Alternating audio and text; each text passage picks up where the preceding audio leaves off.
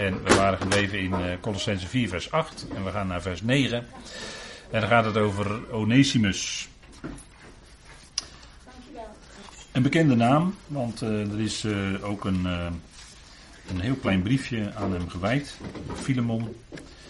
En daar komt Onesimus ook in voor. Maar hij wordt hier ook genoemd door Paulus. En met het zenden van Tychicus zou ook Onesimus meekomen. Want in vers 9 staat voor Colossense 4. Samen met Onesimus, de trouwe en geliefde broeder, die één van jullie is. Zij zullen jullie al wat hier gebeurt bekendmaken. Onesimus, zijn naam betekent uh, voordeel of voordelig of nuttig. En uh, ik heb op deze slide ook eigenlijk in uh, drie plaatjes het verhaal van Onesimus gezet. Hij die Onesimus, u kent dat misschien wel. Hij was uh, weggelopen van zijn uh, heer Filemon. Hij was een slaaf. En uh, uit de brief aan Filemon blijkt, die Paulus dan meestuurt met Onesimus, blijkt ook dat hij mogelijk, toen hij wegliep bij Filemon, ook mogelijk um, Onesimus mogelijk Filemon had benadeeld, op welke manier dan ook. Maar in ieder geval uh, spreekt Paulus dan over compensatie. Als we uh, Filemon uh, daar staat dat uh, in vers 17, in, aan Filemon in vers 17, staat in ons boekje na 2 Timotheus.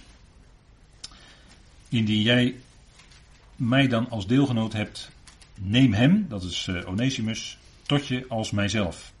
Indien hij jou, Filemon, echter ergens schade mee berokkende, of iets schuldig is, breng dit mij in rekening. Dus Paulus die stond zelf nog garant voor het nadeel wat Onesimus zijn heer Filemon had bezorgd.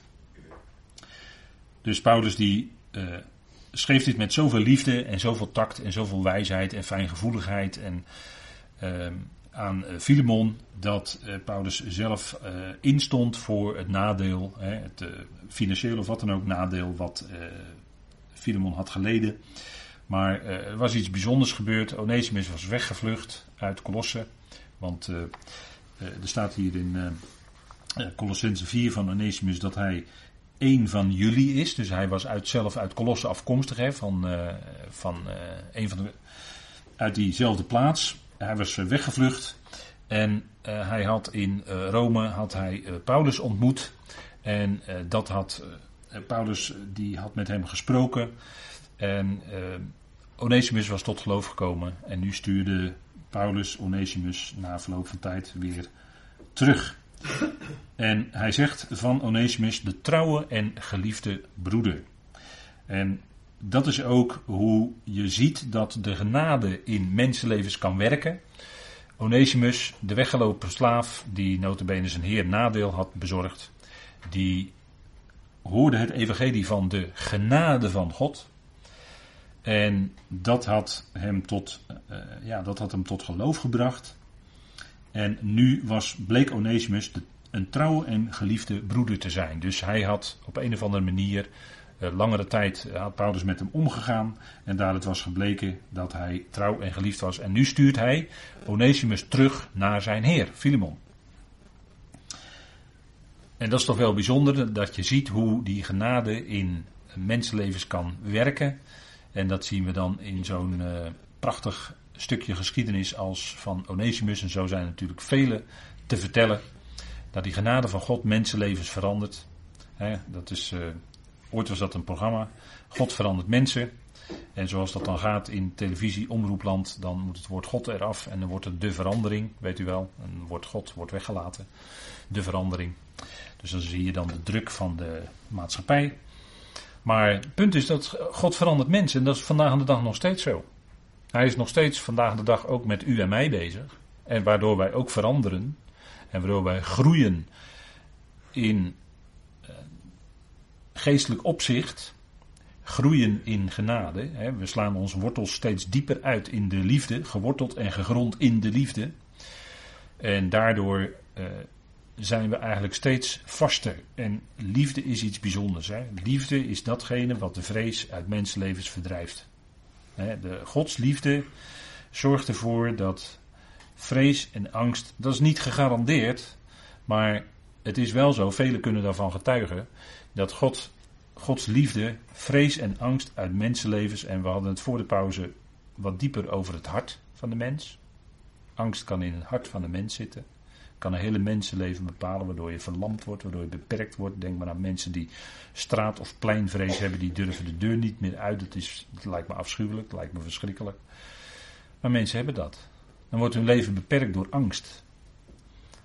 En uh, dat, dat Gods liefde, dat is het geweldige van Gods liefde. De liefde van God verdrijft angst en vrees uit een mensenleven. Dat is het medicijn. En uh, zonder alle experts uh, die, die met mensen spreken enzovoort, deskundigen, om dingen in kaart te brengen, gesprekken voeren, is allemaal prima. Maar wat, wat werkelijk angst en vrees uit een mensenhart verdrijft, is Gods liefde. Dat is het. Dat zegt Johannes ook. Hè? De volmaakte liefde of de volkomen liefde drijft de vrees uit. Zegt Johannes in 1 Johannes 4. En ik denk dat dat belangrijk is dat we dat goed beseffen. Want kijk, wat doet Gods liefde nou in jouw leven? Gods liefde zorgt ervoor dat jij je, dat jij je veilig en geborgen gaat weten in zijn hand. En dat is niet tastbaar, dat is niet zichtbaar. Kijk, een mensenhand daarin is uh, een, een, klein kindje geborgen en veilig. in mensenarmen. In, in de normale goede situatie. Maar geestelijk gezien zijn wij als, als Gods kinderen, als Gods zonen, zijn wij geborgen in zijn hand. Dat is een onzichtbare hand. Dat is geestelijk, zegt u. Dat is niet tastbaar. Inderdaad klopt, maar daarin leer je dat je volledig in je leven kun je op God vertrouwen. Waarom? Omdat hij om je heen is, dat hij je niet veroordeelt, dat hij van je houdt zoals je bent. Denk dat dat al heel wezenlijk is om een stukje angst en, en dan hebben we het misschien over mensenvrees uit de mens te verdrijven. God is degene die zegt: Ik hou van je, want jij bent een mens, ik heb jou geschapen, ik heb jou gemaakt, ik verlaat jou niet, ik ben altijd bij je. Zijn geest doordringt het hele universum. Waarheen zou ik kunnen gaan, zegt David toch in Psalm 139, voor uw aangezicht? Als het nou in de hemelen is of in het dodenrijk, of aan de andere kant van de wereld, zegt, David, u bent daar. Zijn geest is daar. En dat is die geest van de liefde. De liefde van God. En we kunnen het niet vaak genoeg tegen elkaar zeggen dat die liefde van God veroordeelt je niet. Nee, hij heeft je lief. En, en dat is ook wat we, hè, wat we even memoreren. Hè. Dan, dan, denk je altijd als je zit voor te bereiden, ja, moet, moet daar, ja, toch, toch maar weer toch dat agapeton benadrukken. Geliefde broeder, je bent geliefd. God heeft je lief. Hij is trouw. Hij vol, volbrengt in jouw leven wat hij belooft. En dat geeft jou dan zekerheid. En die zekerheid van Gods liefde, dat is hetgeen wat een stukje angst uit je leven, uit je hart kan verdrijven. Ik denk dat dat uh, uh, bijzondere dingen zijn om die met elkaar te overwegen. Kijk, uh, natuurlijk, mensen hebben allerlei, dat noemen wij dan tegenwoordig stoornissen, hè? een angststoornis, zo heet het dan psychologisch. Maar het punt is dat die liefde van God, die kan iets losmaken waarin je, waar je, waar je bepaalde gedachten waaraan je gebonden was geraakt. En uh, er worden vaak in, in jeugd van mensenlevens worden dingen gelegd waar, de, waar mensen later, hè, we hadden het over wetmatigheden, waar, waar de mensen later, en, en een van de, een van de dingen waar, waar, waar in het latere leven dus allerlei uh, ongemakken, psychische ongemakken, laat ik het zo maar noemen, naar voren komen, is dat mensen in hun jeugd die basisgeborgenheid, die basisliefde van ouders gemist hebben. Daar ligt een heel belangrijk punt. En als die mens dan leert om, en, en, en God geeft het, dat we dan de, door die geest van God en door het woord van God, door het evangelie te horen, van die God die niet dreigend is, die niet met een stok achter de deur de hel of zo is. Absoluut niet. Daar hoop ik komende zondag over te spreken. De rijke man en de arme Lazarus. Maar als, dat, als dat besef doorkomt, waar dat, dat, dat een mens zich echt geliefd weet. Zonder dat hij eerst nog iets moet presteren voor God. Want daar zit, daar zit de religie. Hè? En dat is zo ingebakken bij mensen. Nee, maar ik moet toch nog, eh, ik moet toch nog zus. Of ik moet toch nog zo, hoor je mensen dan zeggen. En dan, dan, dan hoor je al bijna een beetje angst achter van. Ik doe het vast niet goed genoeg. Nee, dat hoeft u tegenover God nooit te denken. Dat hoeft niet. En het is niet makkelijk om van zulke gedachten los te komen. Maar God heeft u lief. En dat is zonder welke voorwaarden dan ook. Zonder welke voorwaarden dan ook. U hoeft niet iets te doen om in de gunst te komen, om een stukje liefde van God te verdienen. Nee, nee, nee. God heeft u lief. Onvoorwaardelijk. En ik denk dat daar een punt zit. Ik denk dat daar een punt zit bij mensen. Hè, als, als, ze, als ze bevangen zijn door angsten. En ik, angst is iets heel akeligs. Dat kan ineens op je vallen. En daar kun je niks aan doen soms. En dat, hè, dat, dat, is, dat zijn hele lastige dingen. Maar ik ben ervan overtuigd. En, en vele mensen, vele gelovigen getuigen daar ook van. Dat Gods liefde mensen losmaakt uit angst. En dat is iets wat, wat, wat denk ik in deze tijd waarin wij leven, waarin er zoveel in de maatschappij rondgaat, wat mens, mensen angstig kan maken. Ik denk dat het zo ontzettend wezenlijk is. Dat evangelie van, van Gods liefde, wat we hebben te vertellen, wat we, wat we kunnen doorgeven aan anderen.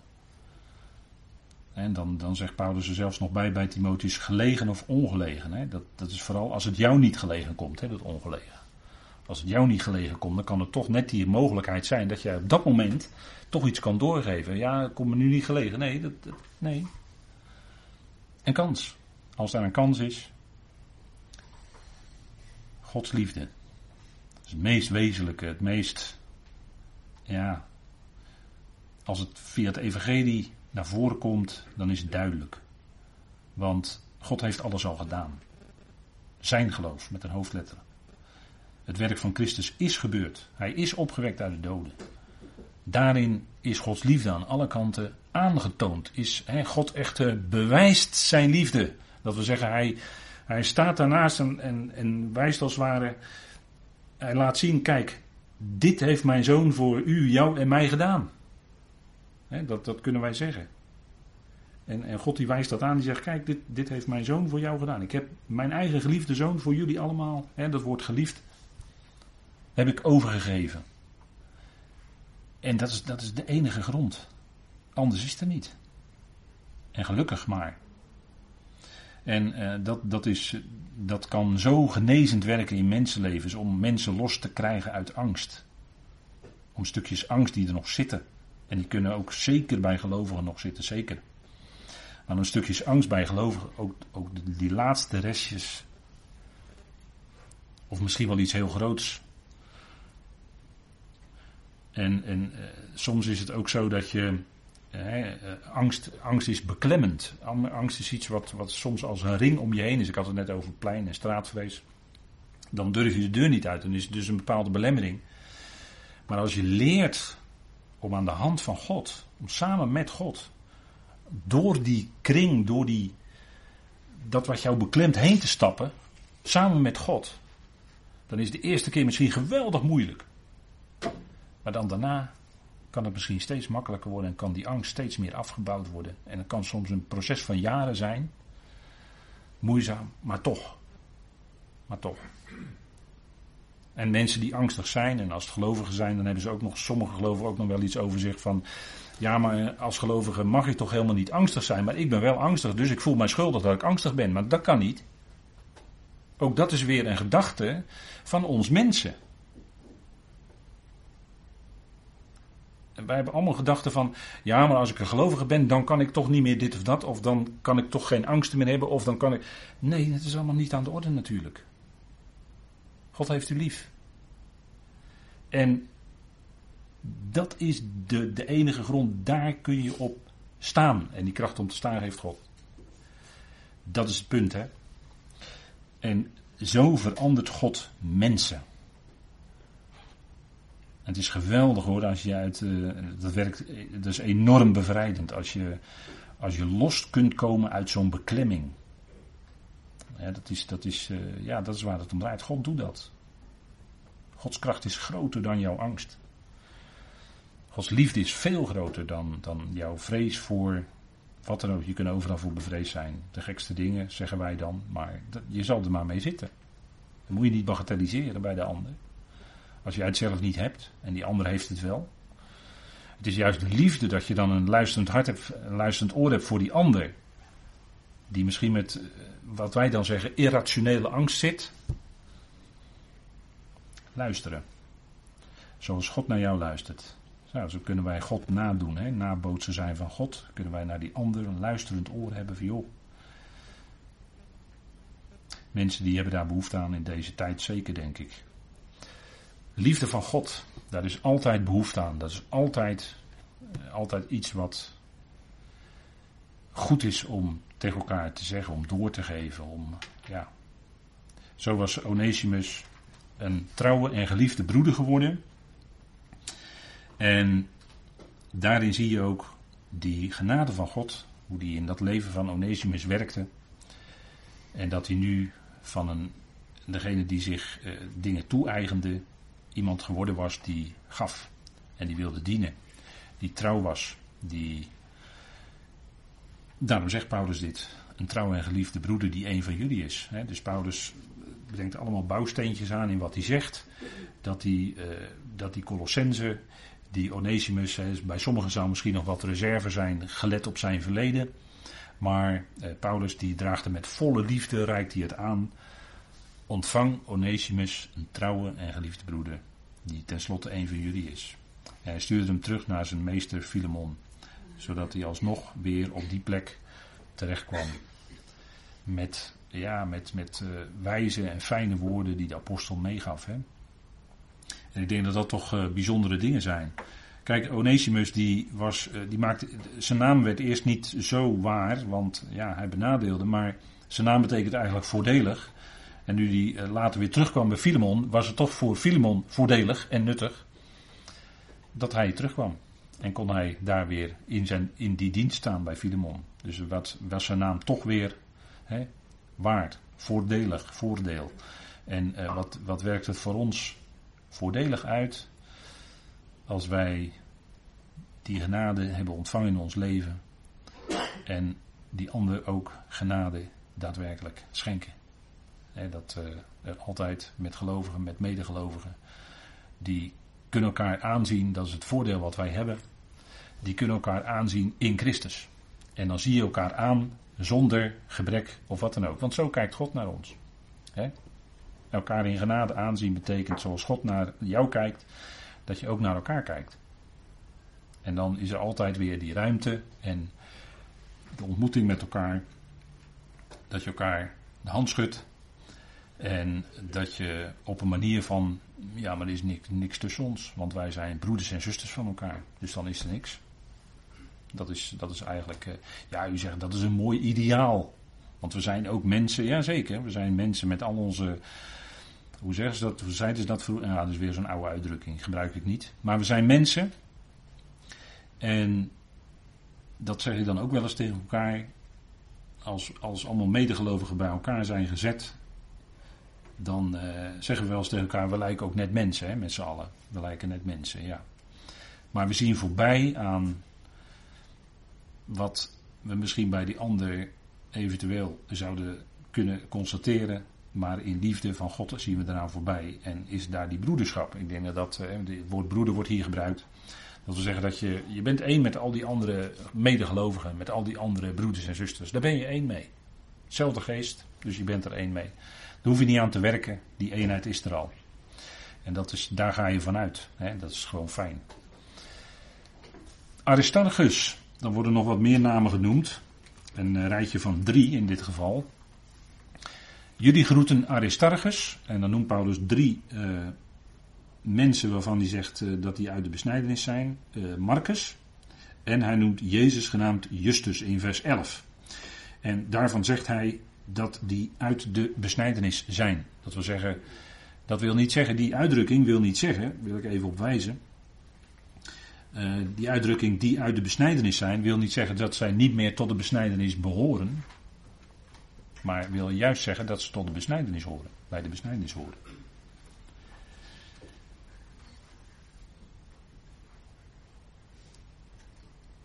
En daarvan zegt Paulus iets bijzonders. Van alle drie heeft hij iets op te merken. Hij zegt eerst jullie groeten Aristarchus, mijn medegevangene. En als je die naam Aristarchus ontleedt, dan betekent dat eerste deel, u ziet dat staan, beste. En arge, dat betekent eerste of vorste. Het is in ieder geval de bovenste of de hoogste in een reeks. Hetzelfde als het Hebreeuwse rosh. En eigenlijk is Aristarchus, eh, Paulus zegt dat is mijn medegevangene. Eh, eigenlijk zou je kunnen zeggen dat Aristarchus een beeld is van Israël zoals Israël bedoeld was. Zij waren bedoeld onder de natieën als heersers. Zij zouden heersen over de natieën. Beste en vorst, beste vorst, beste heerser. Dat is eigenlijk een beeld van Israël.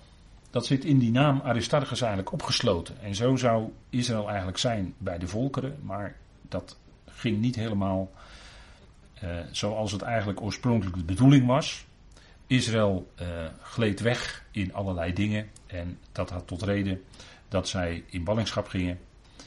En Israël, de vorsten van Israël, dus het Sanhedrin, wees in boekhandelingen lezen we dat de boodschap van het evangelie van het koninkrijk af.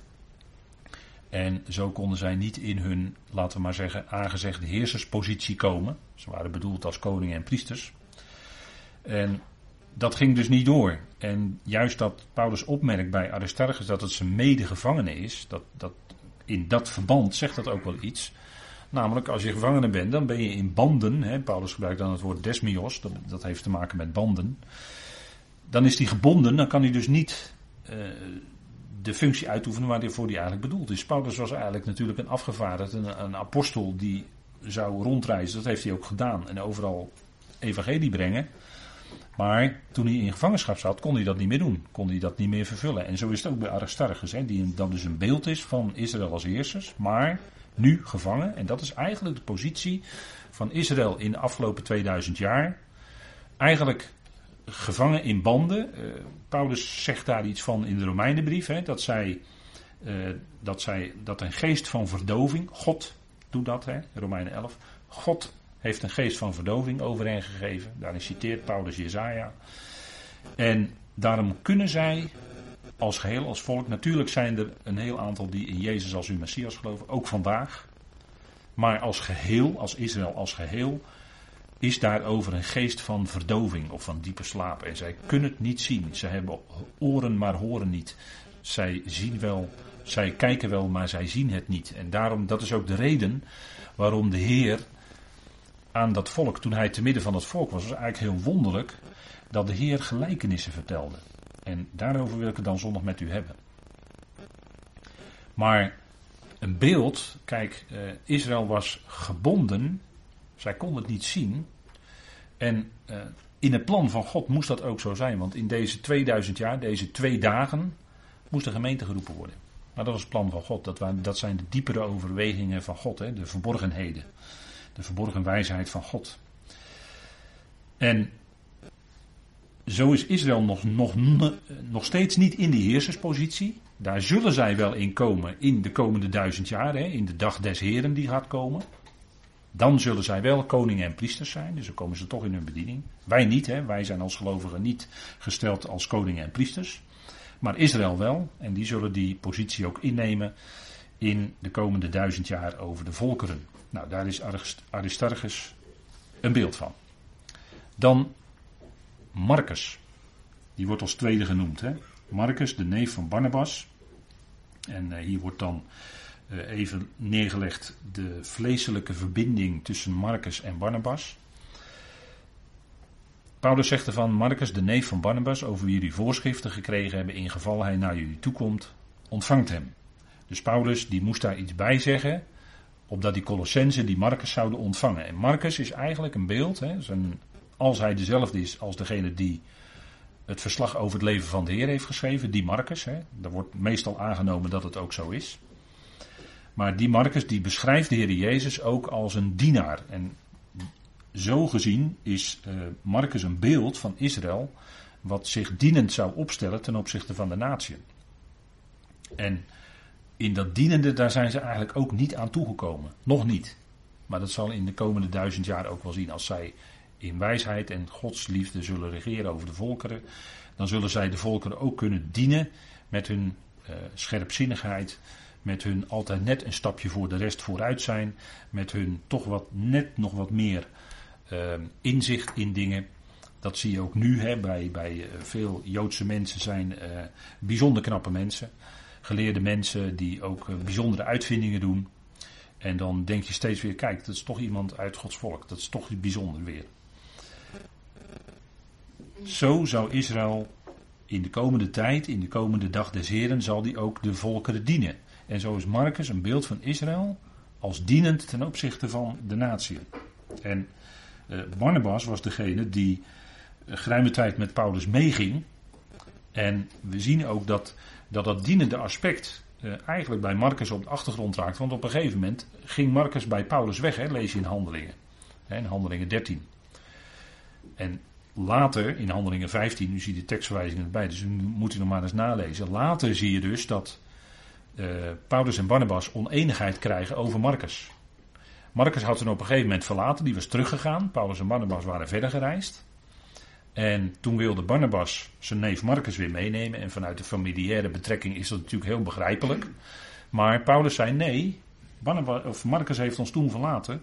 Dus we nemen hem nu niet mee. Hij, hij is toen afgehaakt, maar we nemen hem nu niet mee. En daar ontstond toen oneenigheid over. In uw vertaling wordt het woord bitterheid gebruikt, maar het woord bitterheid is eigenlijk niet correct. Uh, het heeft meer te maken met dat er een, een, een verhitte discussie tussen die twee kwam. En het leidde ertoe dat uh, Marcus niet mee kon. Dus Marcus wilde op een gegeven moment, hè, in handelingen 13, wilde hij niet mee in dat dienstbetoon, dat dienende, ging dus niet. En daarin zie je dat Marcus iets te maken heeft met dienen, ja, maar haakte toch op een gegeven moment af. En dat Paulus hem toch uh, hier in genade behandelt, is dat hij tegen de Colossense zegt: Als hij naar jullie toekomt, ontvangt hem. Jullie, eh, waarschijnlijk waren die Colossense wel op de hoogte van wat er gebeurd was. En hierin zien we ook weer de genade waarmee Paulus dus met die andere mensen ook om zich heen omging. Hè? En dat was ook iemand waarvan gezegd wordt dat hij uit de besnijdenis is. Dus hij tot de besnijdenis behoorde. En hij wordt ook nog genoemd in 2 Timotheus 4. Misschien kunnen we het even met elkaar lezen. Het laatste, in de laatste fase waarschijnlijk van Paulus' leven. We weten niet hoe lang hij nog heeft geleefd. Uh, na zijn gevangenschap in Rome. En waar hij allemaal geweest is, daar zijn allerlei gedachten over. Maar goed, dat, uh, dat moet u er maar zelf eens nazoeken. In ieder geval in de Bijbel wordt daar verder weinig over gezegd. Uh, 2 Timotheus 4 vers 11 staat, Lucas alleen is bij mij. Haal Marcus op en breng hem met je mee. Want hij is voor mij goed bruikbaar voor de dienst. Dus hier zien we uiteindelijk dat Marcus in waar Paulus hem bij nodig had, wel bruikbaar was. Dus dat is eigenlijk het uh, laatste wat hier over Marcus gezegd wordt. Dus dat is uiteindelijk toch een, uh, een goed woord hè, wat Paulus aan hem wijdt. En op het laatst, eh, Paulus is dan bezig te spreken over uh, die nog bij hem zijn. Nou, dat was Lucas. Maar op het, dus op het allerlaatst, dat lees je dus terug in 2 Timotheus, op het allerlaatst waren er niet zoveel mensen meer bij Paulus. En ik denk dat dat heel tekenend was. U kunt zeggen, ja, dat komt door allerlei omstandigheden. Maar ik denk dat het ook te maken heeft met het evangelie wat hij bracht. Want het evangelie is niet naar de mens. En je ziet steeds in de loop van de tijd dat mensen Eh, er zijn heel wat mensen geweest die enthousiast, en Paulus geweldig, dit en dat, en na een paar jaar haken ze af. Of zie je ze niet meer. En goed, dat is verder ons, niet aan ons, maar men haakt af. En waar heeft het mee te maken? Nou, het evangelie is niet naar de mens. He, wat dat betreft is het helemaal niet zo'n, uh, in die zin niet zo'n makkelijk evangelie. En Paulus schrijft ook natuurlijk aan het begin in deze Timotheusbrief dat allen in Azië hem hadden verlaten. Hè, of werden van hem afgekeerd. En uh, wat voor geestelijke invloeden dat zijn geweest, dat mogen duidelijk zijn. Maar dat betekende wel dat uh, hoe langer Paulus doorging, en hij bleef natuurlijk bij dat woord wat hem was toevertrouwd, hij bleef bij het evangelie van genade wat hem was toevertrouwd. Daar week hij niet vanaf. Maar uiteindelijk waren er niet zoveel mensen meer met Paulus. En dat is eigenlijk wat je steeds ziet gebeuren in, in, de, in de afgelopen honderden jaren. Dat er wel groepen zijn die heel enthousiast en Paulus en zijn evangelie, dit en dat. En eh, na verloop van jaren en jaren en jaren haken er steeds meer af. of ze worden ervan afgekeerd. Op welke manier dan ook. Dat gebeurt. Dat gebeurt. En als, dat, eh, als, als wij dat op, op welke manier dan ook ergens geconstateerd hebben, of we kijken terug in het verleden, of je leest uh, dingen terug, dan uh, zie je dat gebeuren en dan, ja, dan, dan is dat eigenlijk steeds zo. Kijk, de waarheid is er altijd, maar de waarheid die wordt altijd bestreden. Er wordt altijd gepoogd om de waarheid onder het tapijt te vegen. En, maar de, de waarheid heeft ook de eigenschap om vroeg of laat toch op tafel te komen. De waarheid komt altijd op tafel. Hoe dan ook. En dat zal ook blijken. Er zijn eh, veel dingen aan de hand eh, in onze wereld, in de maatschappij enzovoort. Maar het punt is dat de waarheid over de dingen, die zal gaan blijken. Onherroepelijk. Die dag komt een keer. Die dag komt gewoon. en de waarheid gaat ook blijken als de Heer Jezus, die dezelfde waarheid is, zijn voeten gaat zetten op de Olijfberg. Dan gaat de waarheid ook blijken. Want dan wordt direct onmiddellijk de leugen ongelooflijk aan de kaak gesteld. En dan wordt heel die leugenbende, mag ik dat woord even zo gebruiken? Dan wordt heel die leugenbende aan de kant geschoven. Het rijk van de antichrist, van de wetteloze. Dat is natuurlijk één grote leugenmachine. Maar die wordt dan aan de kant geschoven, want de Heer komt zelf als de waarheid. Daar staat hij. Degene wie ze alles hebben toegedacht.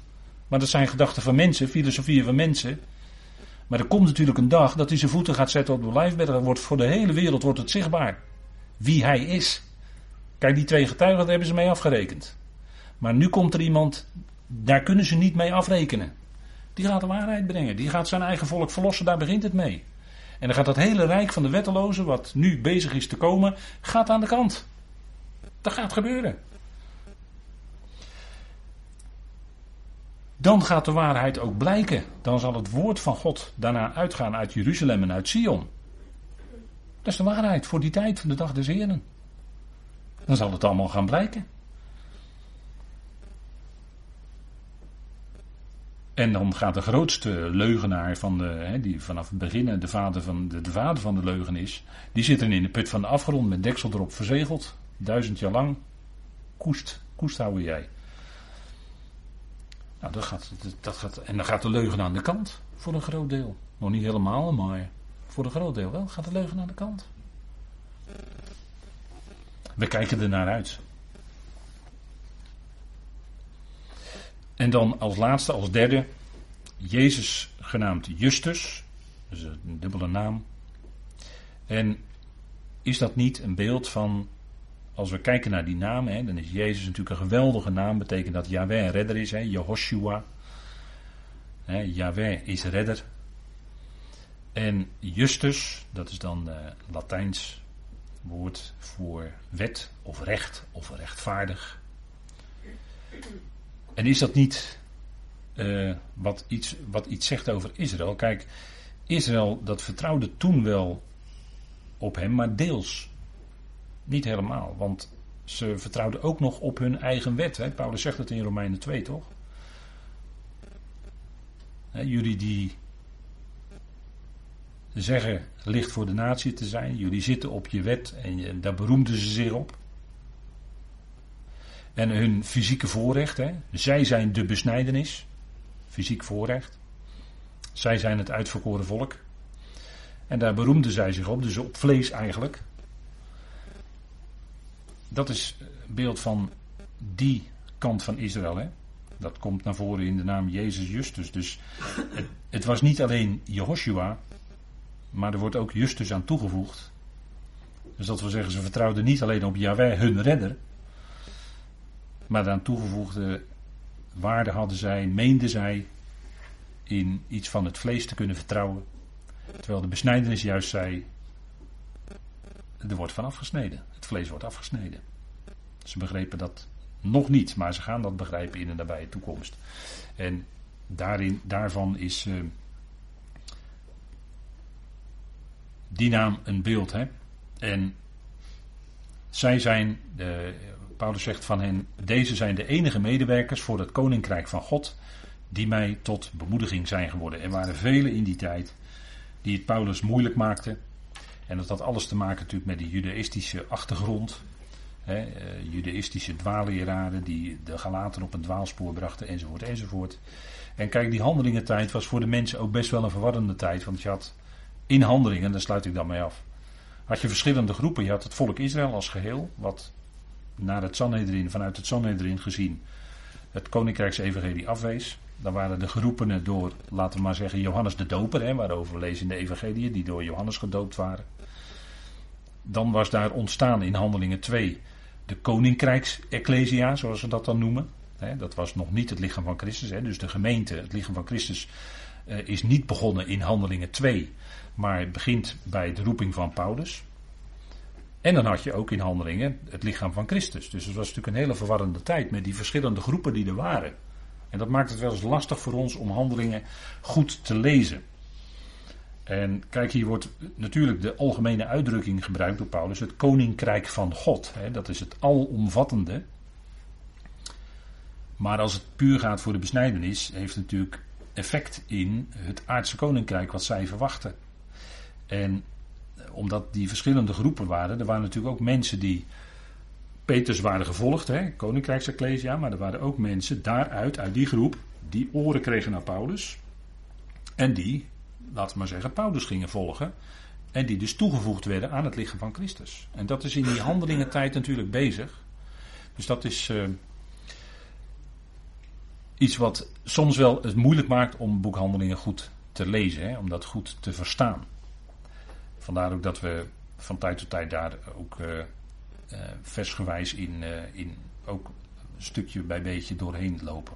Maar goed, we zullen deze avond wil ik graag met u afsluiten met een dankgebed. Het is inmiddels de hoogste tijd.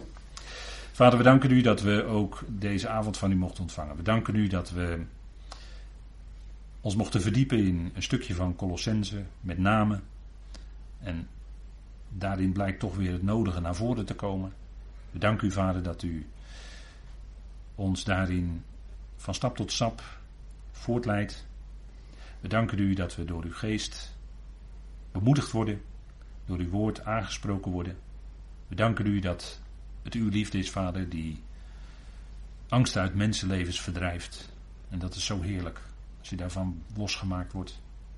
Vader, dank u wel dat u nabij bent bij hen die we kennen die het moeilijk hebben, die oud zijn geworden, gebreken, beperkingen. Vader wil hen genadig nabij zijn, bidden voor de zieken. U kent de situaties en Vader wil hen genadig nabij staan in hun omstandigheden. Vader, dank u wel dat we ook daarin die verbondenheid mogen uitdrukken. We danken u dat u draagt, ook in de latere dagen van ons leven. Vader, dank u wel dat u nabij bent en dat we mogen opzien naar u. Ook voor de komende dagen weten we ons in uw hand veilig en geborgen.